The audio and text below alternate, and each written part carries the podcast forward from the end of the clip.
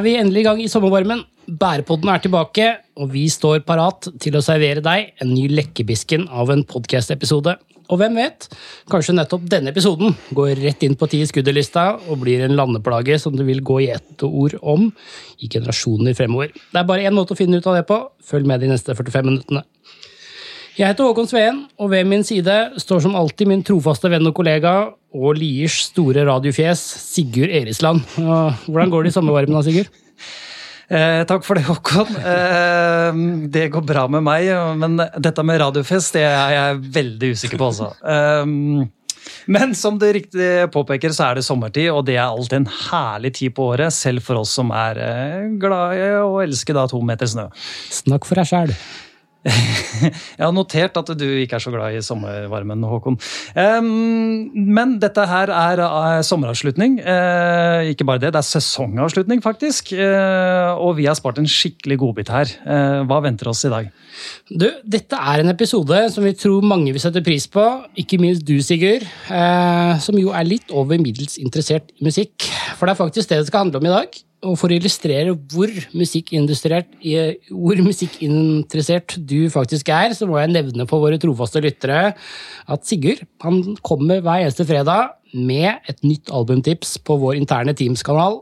Der er det masse obskur musikk som ingen har hørt om før. ja, det, det, er nok noen som hørte hørt om det, Håkon. Uh, men uh, det er sant. Um, for du vet at i gamle dager så var det jo ofte slik at det var han som sto i kassa på platesjappa som kunne tipse deg om ny og ukjent musikk.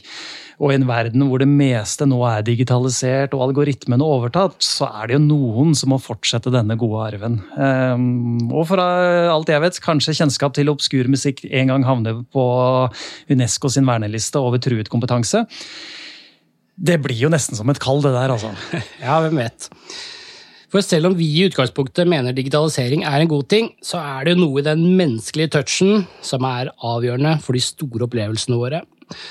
Det er faktisk kjernen i hva vi skal snakke om i dag. Dagens episode skal nemlig handle om hvordan kunst og kultur, og musikk spesielt, tilpasser seg nye digitale distribusjonsmåter, og hvordan det påvirker kunstuttrykket. Eller veien til et bærekraftig kulturliv, om du vil.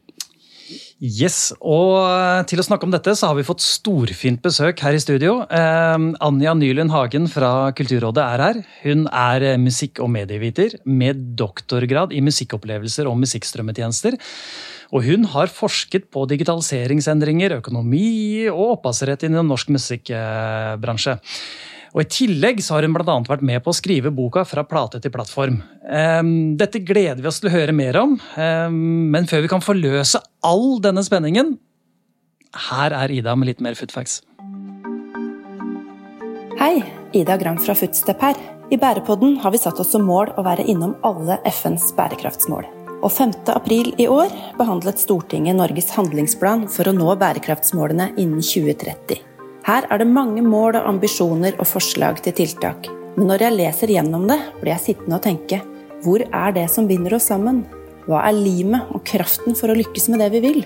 Hva er det vi har felles som vi vil stå sammen om å bevare, og som gjør det verdt å legge ned en innsats? Jeg tror ordet jeg leter etter, er kultur. Ingen av bærekraftsmålene handler eksplisitt om det. Men om vi leser litt nærmere, så gjemmer kulturen seg der inne et sted, under bærekraftsmål 4, som handler om å sikre inkluderende, rettferdig og god utdanning og fremme muligheter for livslang læring for alle. Delmål 4.7 sier at innen 2030 skal det sikres at alle elever og studenter tilegner seg den kompetansen som er nødvendig for å fremme bærekraftig utvikling, bl.a. gjennom utdanning i bærekraftig utvikling og livsstil, menneskerettigheter, likestilling, fremme av freds- og ikkevoldskultur, globalt borgerskap og verdsetting av kulturelt mangfold, og, dette siste er viktig, kulturens bidrag til bærekraftig utvikling. Men hvordan kan kultur være bærekraftig og bidra til både sosial og miljømessig bærekraft? Hvorfor er kultur viktig, og hva er kulturens potensial fremover? Både som arbeidsplass, politisk kraft og verktøy for globalisering og demokrati. Hva har pandemien bidratt med for kulturlivet, på godt og vondt? Og hvordan påvirker digitaliseringen og algoritmene det som alle mennesker har til felles, og som vi fortsatt har hegemoni over, nemlig kunst og kultur?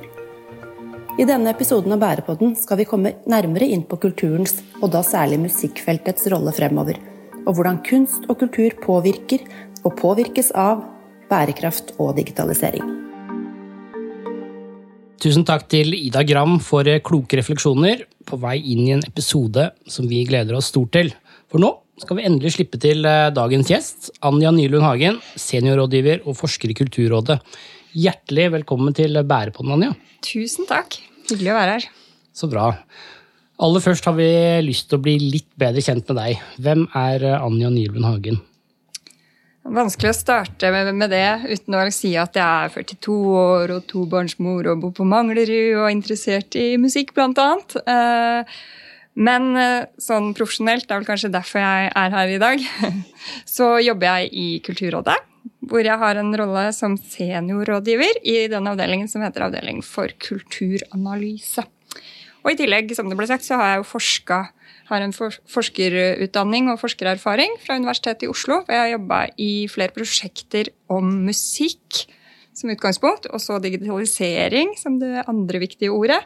Og så er det hvordan de to ordene henger sammen da, på ulike måter. Både fra publikumsperspektiv, fra et musikkbransjeperspektiv, eh, økonomi og opphavsrett. Eh, de store musikkopplevelsene og hva som endrer seg da, i hele kulturen når digital teknologi kommer inn på banen. Mm.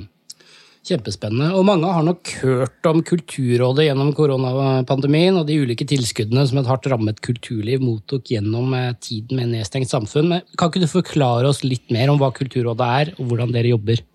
Ja, akkurat de uh, ordningene som du viser til, som, som, Kulturrådet håndterte under pandemien, det er jo for så vidt ordninger som, som, kom til, og som var et oppdrag Kulturrådet fikk og måtte ta. Uh, for å, for å, hjelpe kulturbransjen, som var veldig hardt ramma av eh, pandemien. Men uh, utover det så jobber jo Kulturrådet til det vanlige med oppgaver som på, veldig, ja, på ganske ulike måter da, sørger for at uh, norsk kunst og kultur kan leve og er levedyktig. Det kan vokse fram, bli skapt, bli produsert, formidlet og, og vist fram. da.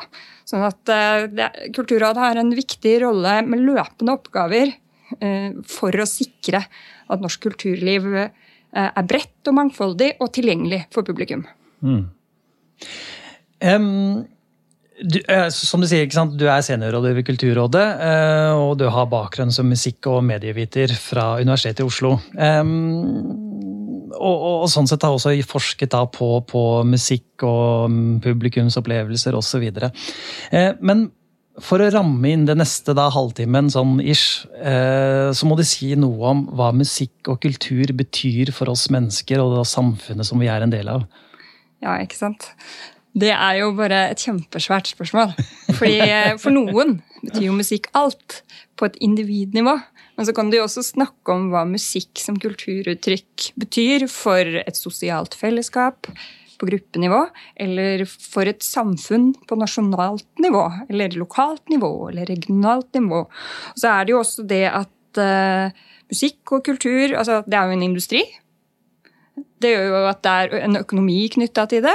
Og så er det ikke minst et arbeidsliv for kunstnerne sjøl, og for, for, de omkringliggende rollene som jobber med kunstnerne og, og arrangerer og tilrettelegger da, for at kunsten og kulturen kan skride frem. Sånn at eh, det er jo det er jo veldig sånn kjedelig å være sånn forsker som alltid må ta forbehold om hvilket perspektiv man snakker fra. Men, eh, men man må det når man stiller et så stort spørsmål. Mhm. For, eh, for eh, hva, hva, musikk og kultur betyr for oss, det er på en måte det innerste grunnleggende som kan bli plantet som en spire når mor synger vuggesang, eller når mm. du i gamle dager lokka på, lokka på kua. For, et middel, et, verktøy. Og så til det ytterste kommersielle, da, som er, er eh, hvordan bransjemekanismene fungerer. ikke sant? Mm. Så jeg vet ikke om det er svar på det spørsmålet, men det er i hvert fall eh, noen innganger til å begynne å tenke på hva musikk og kultur betyr for oss. For det har vel vært sånn eh, Dette kan jeg ikke så mye om, da, men, men eh, musikk har vel alltid vært med oss som mennesker da, fra, fra starten av? Ja, helt klart. Eh, det er, jo, det er jo en kommunikasjonsform også. Mm. Sånn at det er jo lyd man kommuniserer med. Men så er det jo også på et, et skritt på veien da, fra, fra, middel til industri, så er det jo også det at det er kunst. Ikke sant? Det er, det er noe som definerer eh, opplevelser som man skaper fordi det kan representere noe større eller mer, eller sette ord på, på ting som ikke nødvendigvis er så lett å forstå eller identifisere seg med på andre måter. Da. Sånn at uh, det, det, hører absolutt med til det grunnleggende menneskelige. Mm -hmm. mm. Og så har du eh, også skrevet en bok som er kalt eh, 'Fra plate til plattform norsk musikk ut i verden'. Eh, kan du ikke du ta oss igjennom hvordan musikk er blitt distribuert opp igjennom historien? Ja, det er eh, jo en morsom eh, oppgave. Men der må man jo også på en måte tenke sånn Hvor begynner vi? Vi begynner jo med hva er distribusjon? Det handler jo om å få noe fra et sted til et annet. Det er en kanal for å nå fram med noe. Og, og stemmen er jo et, et opprinnelig, en opprinnelig distribusjonskanal, og så kommer de verktøyene, instrumentene man har for å, for å formidle og distribuere. Eh, men, men, den boka som vi har skrevet, da, den jo, som heter 'Fra plate til plattform', den skisserer jo opp hvordan teknologien og, og ulike formater spiller sentral rolle da, for hvordan musikk når ut til menneskene. Og der kommer det jo Vi kan jo snakke om, om skriveteknologi, om noter, ikke sant. Eh, når man begynner å notere musikk, så er jo det et første skritt til at eh, dette også blir en industri. fordi at der, der omsettes musikk som et, et, nedtegnet ark som noen eier og har opphavsrett til. Eh, og så kan du si at et neste viktig skille er jo når innspillingsteknologien foreligger, som jo er fonografen, som er det første på slutten av 1800-tallet. Som jo for så vidt ikke ble en veldig stor industri, men det den muliggjorde, var jo å lage eksakte kopier av lyd. Og den muligheten til å lage eksakte kopier av lyd gjør jo at man også kan omsette den og selge den lyden. Og, som gjør at opphavsretten og eierskapet til lyd, lydfestingen også må omdefineres på et sett og vis. Og så kommer liksom historien med formatutvikling, hvor du har eh, ja, grammofon, og så kommer det jo plater, vinyl, og så skjer det en utvikling med bl.a. kassetter. Og så er det jo CD-en, som gjør et stort og viktig skille. Og det, det, når vi snakker om digitalisering, så er det jo viktig å huske på at det er fra med CD-en at, eh, som jo faktisk er et digitalt format, at digitaliseringen på sett og vis starter. ikke sant? Selv om vi ofte tenker på det digitale som internett, så er jo CD-en også et digitalt format. Og da kunne jo CD-en bl.a. bli putta inn i datamaskiner, som gjorde at man kunne splitte opp det albumet med enkeltlåter. Og distribuere og begynne å spre det på andre måter. sånn at der kommer jo internett inn i bildet. Mm. Og er, da er vi omtrent rundt 2000, ikke sant? og så har vi jo minidisk og iPoden og flere, mange formater. da. Men, men, det som kjennetegner distribusjonen i dag, er jo det at, at det er plattformtjenester som fungerer på internett. Som på en måte er de viktigste distribusjonskanalene for å nå ut. da. Så har jo Spotify har jo for mange blitt en selvfølgelig del av hverdagen i dag, og, og på mange måter som du sier, revolusjonert distribusjon av musikk. Men hvordan har strømmetjenester påvirka bransjen, musikkbransjen? Det er på mange måter. Eh, og her er det jo sånn at noen som jobber med musikk, bransjen, musikkbransjen er ikke én ting. Den er ganske mange ting. Så for noen som jobber med musikk, så er jo ikke nødvendigvis bransjen eller arbeidshverdagen sånn vesentlig endra. Eh, fordi man f.eks. livnærer seg andre inntektsstrømmer. F.eks. de man gir fra Kulturrådet. Offentlige støttemidler og sånn. Men, men eh, sånn overordna, som trekk, så kan du godt si at det er noen store endringer som har skjedd med, med Spotify som en strømmetjeneste. Eh, fordi her er det sånn må vi begynne å tenke, må vi begynne å gå litt analytisk til verks. Så hva er Spotify? Det er jo en plattform, internettplattform. Og hva betyr det? Det betyr at det er en internettjeneste. Internett det er jo et nettverk. et nettverk som er globalt, som gjør at musikken kan nå ut på nye måter, og plutselig connecter verden med innholdet på en helt ny måte. Sånn at, eh, og så er det et annet distribusjonssystem. Alle plattformtjenestene de er jo på en måte styrt av noen eiere, noen leverandører, som fungerer etter egne logikker og, og har egne interesser, ikke minst. Um, sånn at uh, den, uh, det har også, og, og, nå snakker jeg om distribusjon. Men du kan jo også tenke at, uh, at produksjonssiden er digitalisert. ikke sant? At innspillingsmuligheter og verktøy og produksjonsprogrammer er lettere tilgjengelig for et flertall.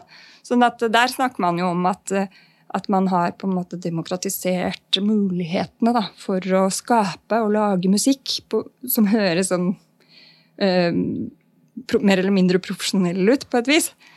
Eh, men så handler det om hvordan, hvordan disse tingene blir satt i system da, og skal fungere på en måte som, som, som, gjør det til en industri eller en bransje. For det er ikke bare å lage en låt og legge det på internett, og så dermed så, så, så går alt av seg selv. Fordi ved denne store endringen så kicker det inn liksom en hel rekke nye mekanismer også ny kompetanse det er behov for. Eh, nye ja, uh, nye premissleverandører, på sett og vis, ikke sant? Så, som man må forholde seg til. Så det skjer en forskyvning, da. Mm. Og så spørs det igjen da om du er interessert i liksom, å skjønne om den forskyvningen skjer i estetikken, ikke sant? i musikken selv, eller i, i hvem som har makta, eller hvem som tjener mest penger. Så det er så mange store spørsmål knytta til det. Um, ja, Dessverre får du ikke noe enkle svar fra meg i dag. Men det var litt om uh, kloke refleksjoner rundt musikkbransjen. Hva tenker artistene selv om utviklingen? Ja, Her kommer det jo også an på hvem du spør. Og her har det jo også skjedd en utvikling. Som du sa, så er det liksom 16 år siden Spotify kom på banen. Og Spotify er jo heller ikke den eneste plattformen. Men, uh, men uh, fra de studiene jeg har gjort da, på norsk musikkbransje, så, så ender jeg jo opp med et begrep som står veldig tydelig ut, og det er digital ambivalens. Uh, og i det ambivalente ikke sant? der ligger det muligheter og utfordringer uh, skissert opp under ett. Fordi, uh, ja, på sett og vis, du har noen enorme muligheter til å nå ut, og nå ut bredt. ikke sant? Og komme, komme ut og bli synlig med musikken din. Men samtidig så ligger disse barrierene der. Da. Så som gjør at uh, ingenting skjer, går av seg sjøl. Nødvendigvis. Eller det er i hvert fall uforutsigbart i hvilken grad da, denne distribusjonen uh, lykkes eller ikke, da. I et, økonom i et økonomisk perspektiv. Mm. Mm. Um, før, så, som vi var inne på litt sånn innledningsvis, før så var det gjerne plateselskaper, eh, radioer og MTV osv. som i stor grad bestemte hva vi som lyttere skulle eller burde høre på. Mens det nå i langt grad er uh, algoritmer som styres. Uh, det vil si at du og jeg som lytter, vi kan da få forslag på musikk som kanskje før ville vært utilgjengelig for oss. Um, men med dette som bakteppe, kan vi se noen trender ved at det er nå større variasjon i tilbudet, og at flere artister nå har en plattform som gjør at deres musikk er tilgjengelig. Og sånn sett, ja, jeg tror du sa det, eh, demokratisert. eller har eh, betalingsmodellene, eller mangelen på dem, da, eh, gjort at det fortsatt er bare de store artistene som, som, tjener på dette, og sånn sett er de som vi fortsatt lytter på. Eh, ser vi noen samfunnstrender her? Ja, det er et par kollegaer av meg som nylig har publisert et arbeid som heter Strømmeparadokset. Altså en forskningsartikkel. Da. Og de tar for seg noen av disse portvoktermekanismene som fins i, i strømmetjenestene. Rett og slett at eh, strømmetjenestene som jeg sa i sted, sitter med noen egeninteresser og, og fungerer på måter. Da. Så de fungerer som portvokter, altså som de aktørene som bestemmer om porten åpner seg eller lukker seg for musikken som ligger i tjenestene. Og disse portvoktermekanismene, da, hovedpoenget i strømparadokset, er jo at uh, uh, selv om man har tilgang på mye mer musikk totalt via strømmetjenester, så ender den totale lyttingen opp med at det er noen låter som vinner opp, ikke sant? Mens, mens fryktelig mange drukner mer eller mindre i, i den store, store konkurransen av katalog som han har tilgjengelig. Så Det er på en måte strømmeparadokset. og det, er, det, kan også beskrives med et begrep som superstjerneøkonomi. og Tendensen er jo at, at uh, forskjellene øker da, mellom de som lykkes i strømmetjenestene og de som ikke gjør det. Sånn at, sånn at det er en viktig innsikt å ta med seg. da, At, uh, at den demokratiseringen i distribusjon, den er ikke så reell. Og så gjelder det jo også alt det jeg sa i stad, med at det er noen nye kompetansesett. altså Ting du må kunne for å jobbe aktivt og profesjonelt inn mot disse plattformene. Eh, som gjør at, eh, eh at det også er sånn at eh, Det ser jeg fra mine egne undersøkelser. At det er de som f.eks. har et team, har et apparat rundt seg som kan pleie de sosiale mediene, strømmekanalene aktivt selv, som, som klarer seg best i konkurransen, eh, i den digitale konkurransen, på sett og vis. Fordi, fordi at eh, det omlandet av ekstraarbeid som handler om digital distribusjon, det, det koster tid, det koster penger, det, du, må kun, du må vite hva du driver med.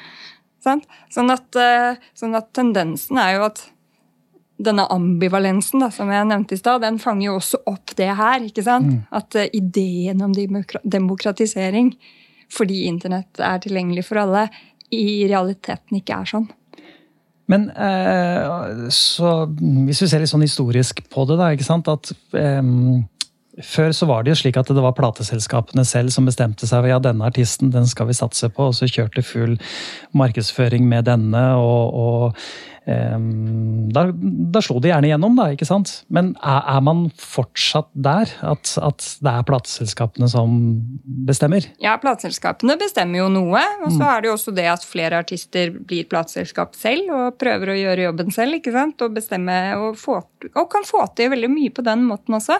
Men det er jo et viktig poeng at, at plattformselskapene som mellomledd eh, Det er gjort at det har skjedd en maktforskyvning dit. da, fordi at de har en veldig stor og reell påvirkningsmakt for faktisk hvilken musikk som slipper gjennom. Men det betyr jo ikke at plateselskapene gjør en unyttig jobb. Og alt arbeidet som foregår mellom plateselskap og strømmetjeneste og, og, og, på vegne av artist, ikke sant? det er jo også en del av det store bildet. Sånn at eh, jeg tror ikke rollene Det er ingen roller som har utspilt sin nytte, men arbeidet de gjør og hvordan de jobber, er jo litt endra. Mm. Mm. Ikke sant. Det er nok det vi må satse mer på, Håkon. Vi må ha et plateselskap i ryggen og, som kan jobbe på alle flatter. Ja, så er det jo ikke bare plateselskap heller. ikke sant? Det er musikkforlag, som er eh, en gren jeg har forska mye på, som er ganske lite etablert i Norge. ikke sant? Sånn at, eh, og så er det jo booking, og så er det jo management, og så er det jo fordi at det er jo flere inntektsstrømmer her. Det er ikke bare det som kommer fra strømtjenesten alene. Musikkfeltet jobber jo med flere inntektsstrømmer. ikke sant? Ja. Både opphavsrett og det som er innspilt, og det som er live. Som er sånn tre hovedkategorier da, på de inntektsstrømmene. Men, eh, men, men, det er veldig lett da, å skylde på, mm, skylde på strømmetjenestene for alt som er galt. Og det er jo et sånt uh, et annet paradoks, for å si det sånn. At uh, det er ikke alt som fungerte perfekt før streaming heller. Det, er, det var absolutt artister som floppa, og plateselskaper som gjorde en dårlig jobb, og, og alt det der.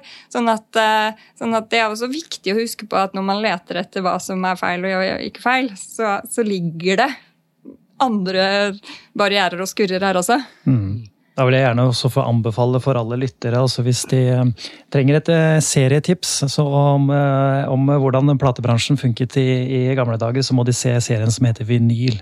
Den er, er veldig bra. Ja, det er jo veldig gøy med alle sånne røverhistorier om, om hva som funka og ikke funka, liksom. Og, og, man kan jo godt si at det er mye som har blitt mer profesjonelt også, ikke sant? Men det er mm. bare at det digitale her legger til et nytt lag, da av mm. behov for profesjonalisering. Ikke sant.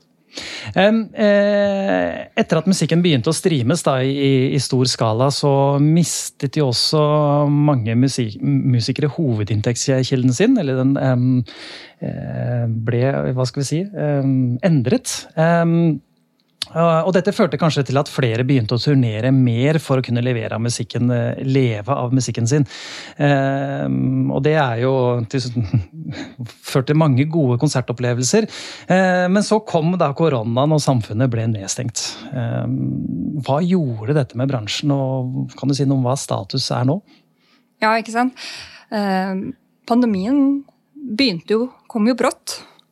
Og nedstengingen skjedde jo akutt.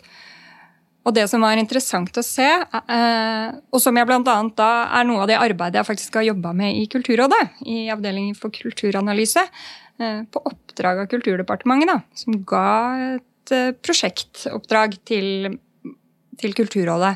At vi skulle finne, dekke et kunnskapsgrunnlag om hva som Eh, skjedde under pandemien. Sånn at Det er bare et sånn eksempel på hvorfor de ansetter forskere i Kulturrådet. Da, eh, da fikk jeg lov å dykke inn i et materiale som, som så på hvordan, hvordan, musikkbransjeaktører og egentlig kulturfeltet i bredden hadde erfart pandemien, også med tanke på digitalisering. Fordi, for det som skjedde, var jo at ganske brått etter at det ikke var mulig å møtes mer, så, så flytta mye av det som skulle ha skjedd i konsertsaler og scener, inn i eh, rom, digitale rom.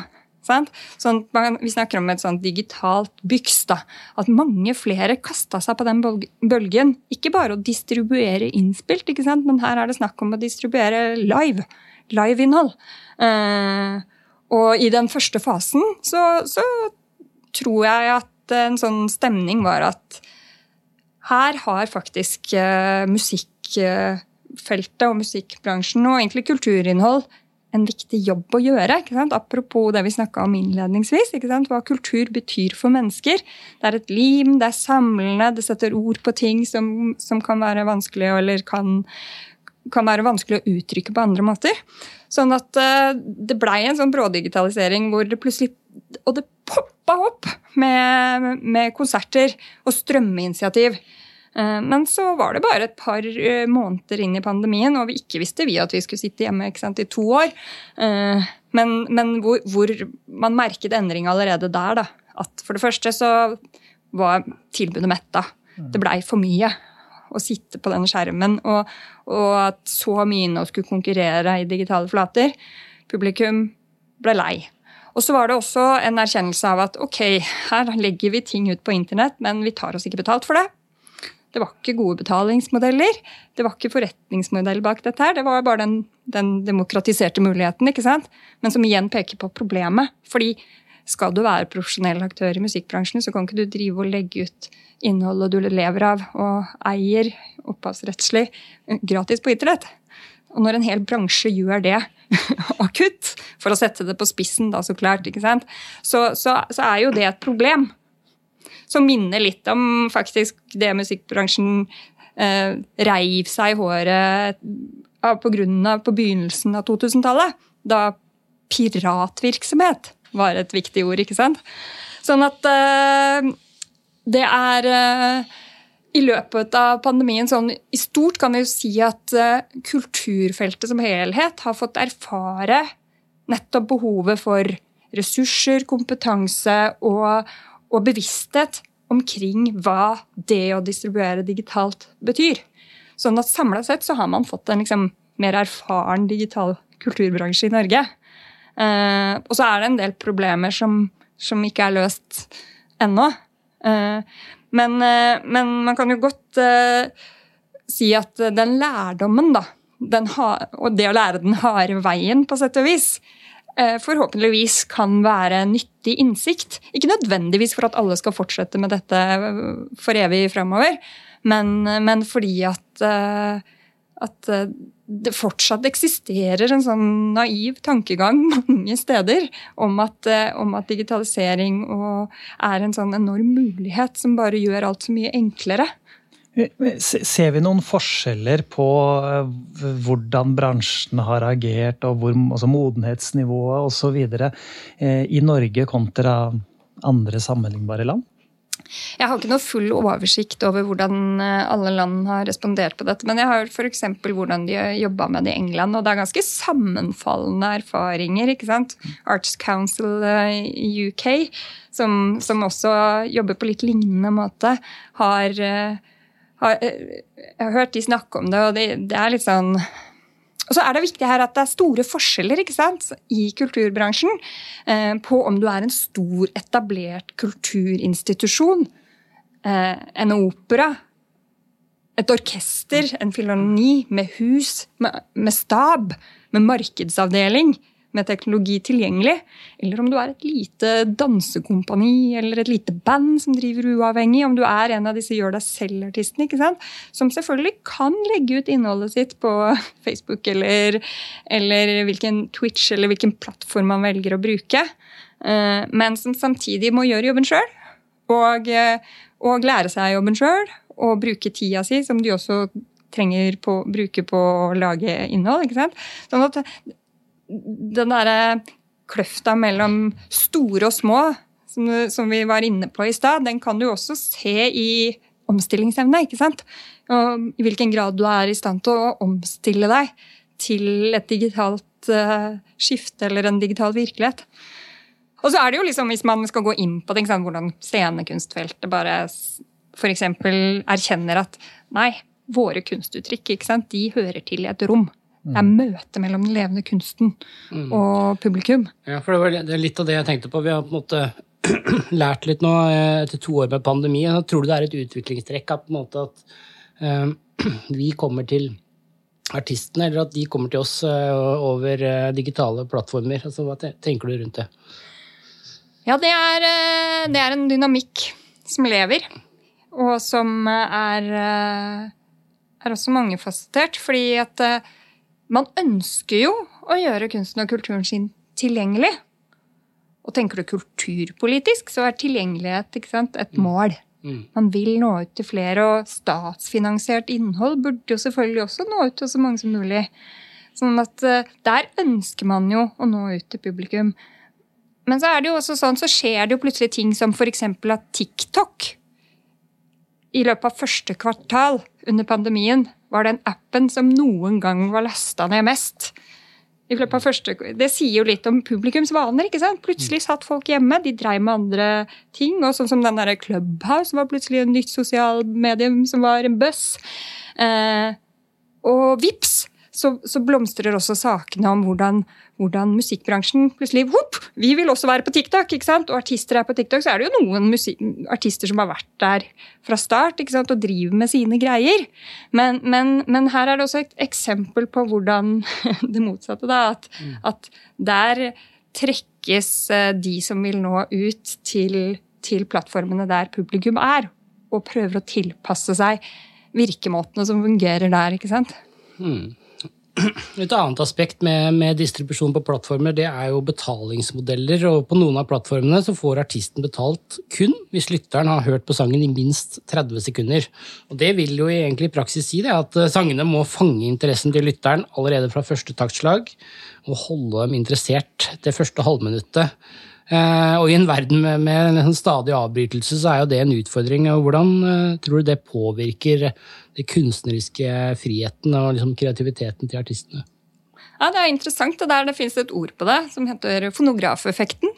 Som er en forsker som heter Mark Katz, som har skrevet en bok om. Hvor han tar utgangspunkt i sant, ulike formater, og så ser han på hvordan de endrer musikken og, og, mm. Sånn at det du snakker om, hvordan de 30 sekunderne som skal til for å kicke av hake av en stream, mm. og som gjør at uh, noen øre løses ut i, i betaling, ja. uh, det, de er jo veldig viktige. Så det, det, påvirker estetikken, det. Og hvordan folk jobber. og Man kan høre det i sound, hvordan lydkvaliteten er. Så kan du høre det i hvordan uh, mange låter kommer fort fortere til et hook eller til, til, til oppmerksomhetsbringende momenter i musikken. ikke sant? Mm. Og så er det selvfølgelig også motstrømmer til det her, som gjør at folk plutselig dropper det. Sånn Karpe som plutselig gir ut et album hvor alle låtene henger sammen. Som jo er en helt motsatt logikk, men de står også i en posisjon til at de kan gjøre det og liksom svare på, på den, disse trendene på en, egentlig en helt annen måte. da, Selv om de fortsatt opererer i et veldig sånn kommersielt felt. Og så finnes det eksempler på f.eks. k-pop, som, som, som har blitt omtalt som musikk som Altså pop fra Korea, da K-en står for Korea. Eh, som, som, jo formmessig egentlig er eh, Du kan si at det er på en måte forlengelse av de 30 sekunderne. Så er det ikke sånn vanlig gåstegn-oppbygning som, som, vi tenker på med, med vers, refreng, vers, refreng, bridge. Ikke sant? Det er, en, det er mye mer sånn der fragmenter i én låt satt sammen uten en indre logikk som gjør at egentlig det å også lytte etter de, hva skjer etter de 30 sekundene, blir interessant. da. Mm. Så det fins mange eksempler på det her som, som ikke fonografeffekter, men som streaming-effekter i musikken. Mm. Og så kan du en annen informant jeg hadde, som, som arrangerer uh, låtskrivercamps. Altså samlinger der låtskrivere møtes for å jobbe sammen. Sier jo at liksom, disse campene hvor låtskrivere møtes, er sånn et barometer fra år til år da, så kan man liksom høre utviklingstrekk. Som er de sånn store linjene i musikkbransjen. Hva som skjer. Han sa jo at fra ett år til et annet så var låta plutselig kutta et minutt. Alle skrev 2.30 istedenfor 3.40. Og det er jo, det er jo sånn eksempel på også at uh, endringene skjer fort. Så, sånn at uh, det har absolutt betydning for det estetiske, selv om selv om ikke alle gidder å bry seg om det. Mm. Og så glemmer man kanskje også at, at, uh, at, det alltid har vært sånn. Altså, før så hadde vi jo singelen, ikke sant? Den hadde jo sine begrensninger, og LP-platen hadde jo sine begrensninger. Så, som også uh, påvirket den kunstneriske friheten til artistene. Absolutt. Om det er friheten eller, eller pragmatikken, eller hva man velger å kalle det. Men det er jo akkurat det som ligger i den fonografeffekthistorikken, ikke sant? at hver, hver innspillingsteknologi eller hvert format kommer med noen føringer som gjør at, uh, at også kunsten og innholdet endrer seg. Mm. Mm. Ikke sant? Bare den der CD-en som vi så snakka om i stad, som du kan putte inn i datamaskinen, og, og, og er begynnelsen på, på, det som skjer i spillelister. ikke sant? At folk plukker enkeltlåter og sorterer og setter sammen selv. Eh, er det da poeng å ha sømløse overganger og konseptalbum som varer lenge? ikke sant? Hvis, hvis det er sånn man lytter. Mm. Mm. Det har vært sagt lenge at alt som kan digitaliseres og automatiseres, vil med tiden nettopp bli dette. Men enn så lenge så har vi jo sagt at kunsten, det er eh, menneskets domene.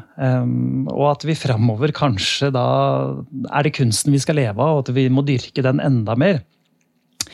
Men selv dette blir også utfordret av kunstig intelligens. Eh, og så kan vi jo nok alle forestille seg at ja da, enkel popmusikk med litt sånn tralala, det klarer nok kunstig intelligens å være i stand til å lage eh, musikk. Men hvis vi ser for oss liksom, eh, eller Tror du at kunstig intelligens vil være i stand til å lage nyskapende og avanserte musikkopplevelser de, de nærmeste årene? Mm. Jeg tror jo det faktisk, så tror jeg at kunstig intelligens eh, blir såpass bra at den kan levere innhold på et nivå som, som gjør at det er bra nok til at det fungerer, og også kanskje eh, sette sammen eh, innhold på nye måter som, som, mennesker ikke hadde tenkt på. Men det betyr jo ikke at uh, vi ikke trenger skapende kunstnere for det. Så klart. Ikke sant? Fordi én ting er jo hvordan hvordan kunstig, kunstig, intelligens oppstår, det programmeres av mennesker.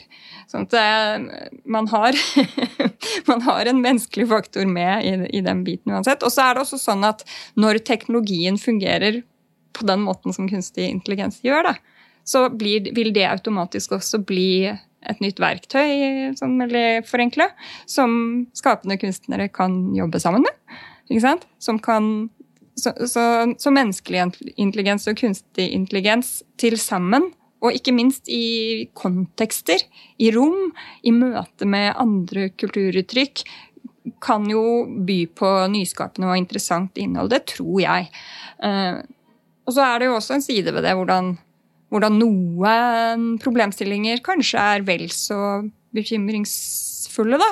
Eh, at man på en måte Ved kunstig intelligens så kan du også Da lager du også et eh, eierskap av innhold som er løsrevet fra den som har åndsverket. Som er, skap, som er et menneskelig Som det gjør at en økonomi kan fungere med kjøp og salg som ikke er knytta til kunstnerne i bransjen. Det er nesten et større, vel så stort problem. ikke sant?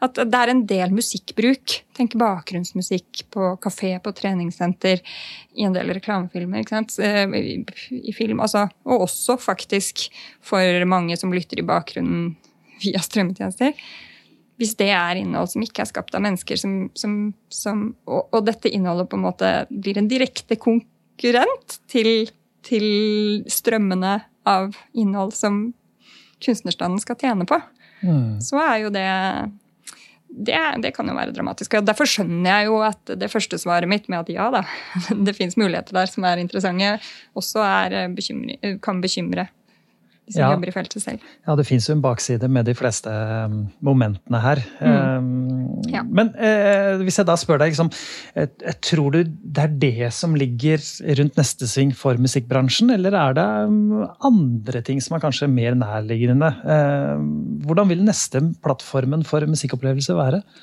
Ja, det er jo Jeg er dessverre ikke spåkvinne. Men uh, det skulle jeg gjerne vært. men, men uh, jeg, jeg, var på South by Southwest her i våres. Og da var jeg et panel som snakka om framtiden. Det er det man driver med på de bransjekonferansene. Og hva tror man at kommer til å skje. Og så er det et begrep som heter synkronisering. Det handler om f.eks. å plassere musikk inn i film og TV-serier og reklame. Som en, en, en bruk av musikk. Og da var det det, det buzzwordet bort på South by Southwest, det var jo selvfølgelig metaverse. Altså internett i 3D-arkitektur. Hvor du kobler sammen eh, plattformer på nye måter. Og der tenker jeg at det er noe interessant som kan skje. Ikke at framtiden er metavers og alle skal være avatarer og, og, og drive, drive, på en parallell virkelighet sånn. Men jeg tror for innhold som har nettopp opphavsrettslig tilknytning, det å finne flere måter å plassere det innholdet på, sånn at det vil, vil både skape nye uttrykk, men også liksom generere nye inntektsstrømmer. Som jo er prinsippet med synkronisering. Det er interessant å tenke på. Og der, eh, derfor var det sånn det, det, som ble sagt som jeg begynte å tenke på der, da, det var den derre In metaverse, everything is synchronization. Sammenkoblinger, ikke sant? Mm. På nye måter. Hvor også mm. kunsten og kulturens innholdsformer mm, kan ha et stort potensial. Så da kan du se for deg at du mm, eh, har yndlingsartisten din hjemme i stua di, eller at du spiller i band sammen med dem på scenen, eller noe sånt. da. Ja, For eksempel så har jo gamingindustrien tatt dette i bruk allerede. At du får Ariana Grande inn i spilluniverset ditt, mm. for eksempel. Og, og interagerer med henne, hører musikken hennes, møter henne. Så har hun kanskje på seg noen sponsa klær, og så står hun inne i Louvre med bilde av Mona Lisa bak. Altså Der har du jo plutselig sånn nye koblinger av sammenstillinger av innhold. Så må vi huske på at jeg er 42 år og jeg er en gammel dame i denne sammenhengen. Men det fins en generasjon som vokser opp på internett og som lever livene sine ektefølt og helhjerta inni, inni gaminguniversene. på en måte. Sånn at uh, det er en framtid der som ikke er nødvendigvis for, for, oss, da, som sitter i dette rommet her. Sorry to say. ja, vi er vel kanskje um, litt passé der. Det er vel sånn det dessverre er. Um, um, du har jo vært inne på det egentlig gjennom hele samtalen her, men um, hva tenker du er det målet med altså, musikkdistribusjon, og hvordan skal vi skape en bærekraftig modell som både gagner artister, publikum og distributører? Har dere noen tanker rundt det? Ja, så Målet med musikkdistribusjonen er jo fra det grunnleggende menneskelige, som vi begynte samtalen om. ikke sant? At, mm. at, in, at musikken skal nå menneskene. men også at de som har skapt musikken, skal kunne få betalt og verdsatt det de har skapt. Um, sånn at det er én side av det. Men, men, å få den modellen bærekraftig, da, det er, um, det er jo vært en del av utfordringen nettopp med internett. For det første så er det så enormt mye innhold på internett. Sånn den musikken som hver enkelt lille stykke musikk konkurrerer med. Det er på en måte hele verdens musikkatalog det er inne i musikkstrømmetjenestene.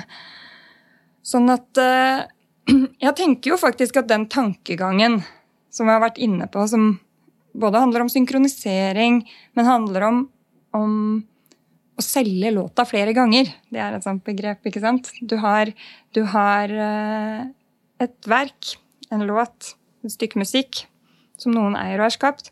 Og så sørger man, og er, det er bra innhold. ikke sant? Noen har brukt energi og lagt, eh, lagt en innsats i å få skapt dette her.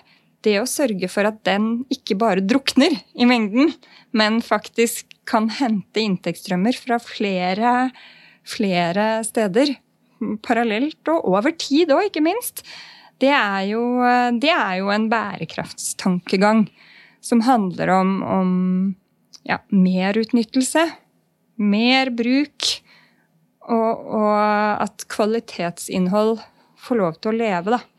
Det fins jo noen morsomme eksempler. Eh, et veldig aktuelt eksempel er jo det, hvordan Kate Bush sin 'Running Up That Hill' eh, nå piker i Spotify. 30 år, eller nei, mye mer enn 30 år. Hvor, hvor når kom den? Ja, vi, vi, det, vi, 40, jeg tror det var 40 eller noe sånt nå ja, 'Running Up That Hill' uh, kom i hvert fall på slutten av 70-tallet, tror jeg. Og, og er um, på topp. Fordi den har fått en plassering i en kjempepopulær serie på Netflix. ikke sant? Mm. Sånn at, og hun er jo en etablert artist fra før, da, men det er en tankegang som gjør at det er uante muligheter for, for bruk. Um, liksom, hvilke artister mener du er spesielt dyktige til å utnytte mulighetene som de nye plattformene gir? Hvem, hvem mener du har klart å skape og formidle noe ekstra kreativt på de digitale flatene vi ser eh, komme frem?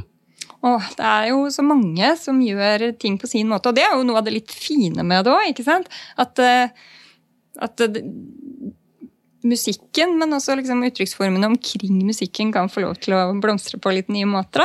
Eh, men jeg nevnte jo Karpe i stad som et sånt norsk eksempel på noen som, som, på en måte bryter spillereglene for hvordan musikken skal fungere i Spotify, men samtidig bruker eh, de sosiale mediekanalene sånn ved å legge ut små ting i forkant av et låtslipp, så begynner det å skje rare ting på profilene deres som gjør at man trigger en interesse. Og, og, det kan være helt absurd og virke fjernt og rart, men, men, det som skjer, er jo at man henter inn den oppmerksomheten som man kniver så voldsomt om, og, får folk bevisst, og setter i gang også disse virale algoritmestyrte logikkene, som gjør at deres innhold aktualiseres på sett og vis. Så jeg syns jo de er verdt å nevne fordi at de får til mye på nye og interessante måter. Men men det er veldig lett å bare havne i det populærmusikalske feltet. For det er jo f.eks solistkoret, da, som jeg har fulgt med litt på. Som, som, er et klassisk kor med skolerte sangere, som ikke nødvendigvis har sånn kjempestor følgemasse og sånn, men som, som bruker det aktivt da, for å vise hvordan de jobber. Hvem er de folka som synger i det koret? Viser ting som skjer på backstagen eller på bakrommet, hvordan man øver, hvordan et kor innstuderer. Altså, sånn, det fins mange eksempler på hvordan hvordan dette her foregår på veldig ulike nivåer og på ulikt vis, men på måter som, som gir eh, musikken og innholdet en merverdi, da.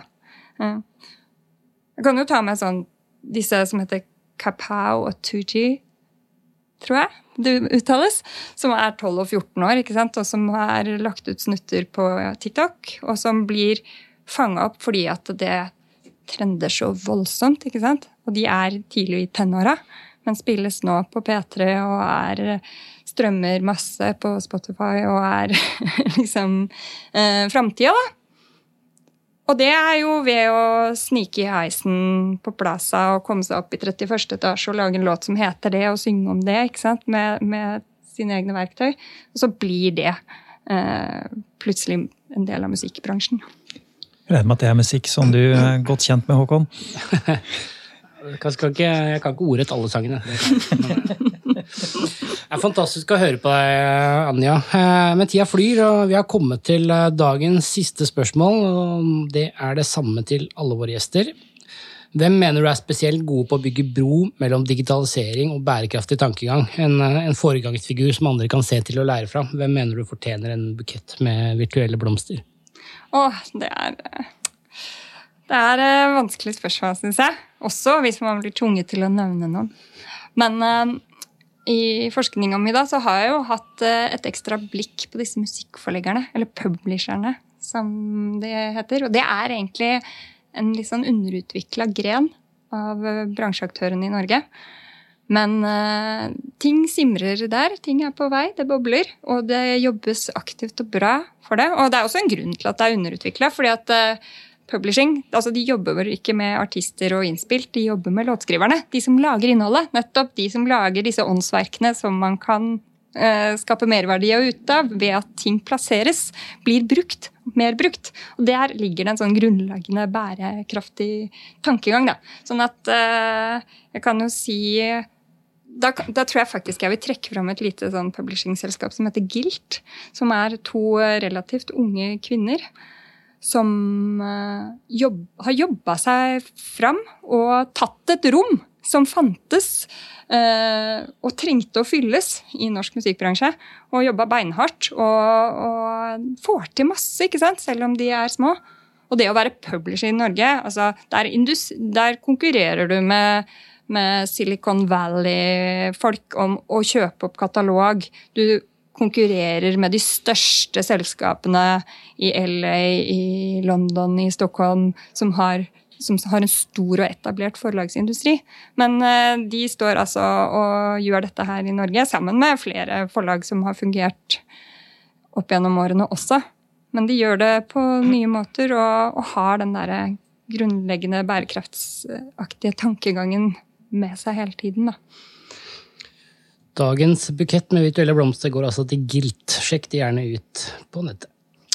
Det eh, var det vi hadde det for denne gangen. Vi har hørt eh, seniorrådgiver og forsker i Kulturrådet Anja Nylund Hagen fortelle om hva kultur betyr for oss mennesker, og hvordan musikk har blitt distribuert opp gjennom historien.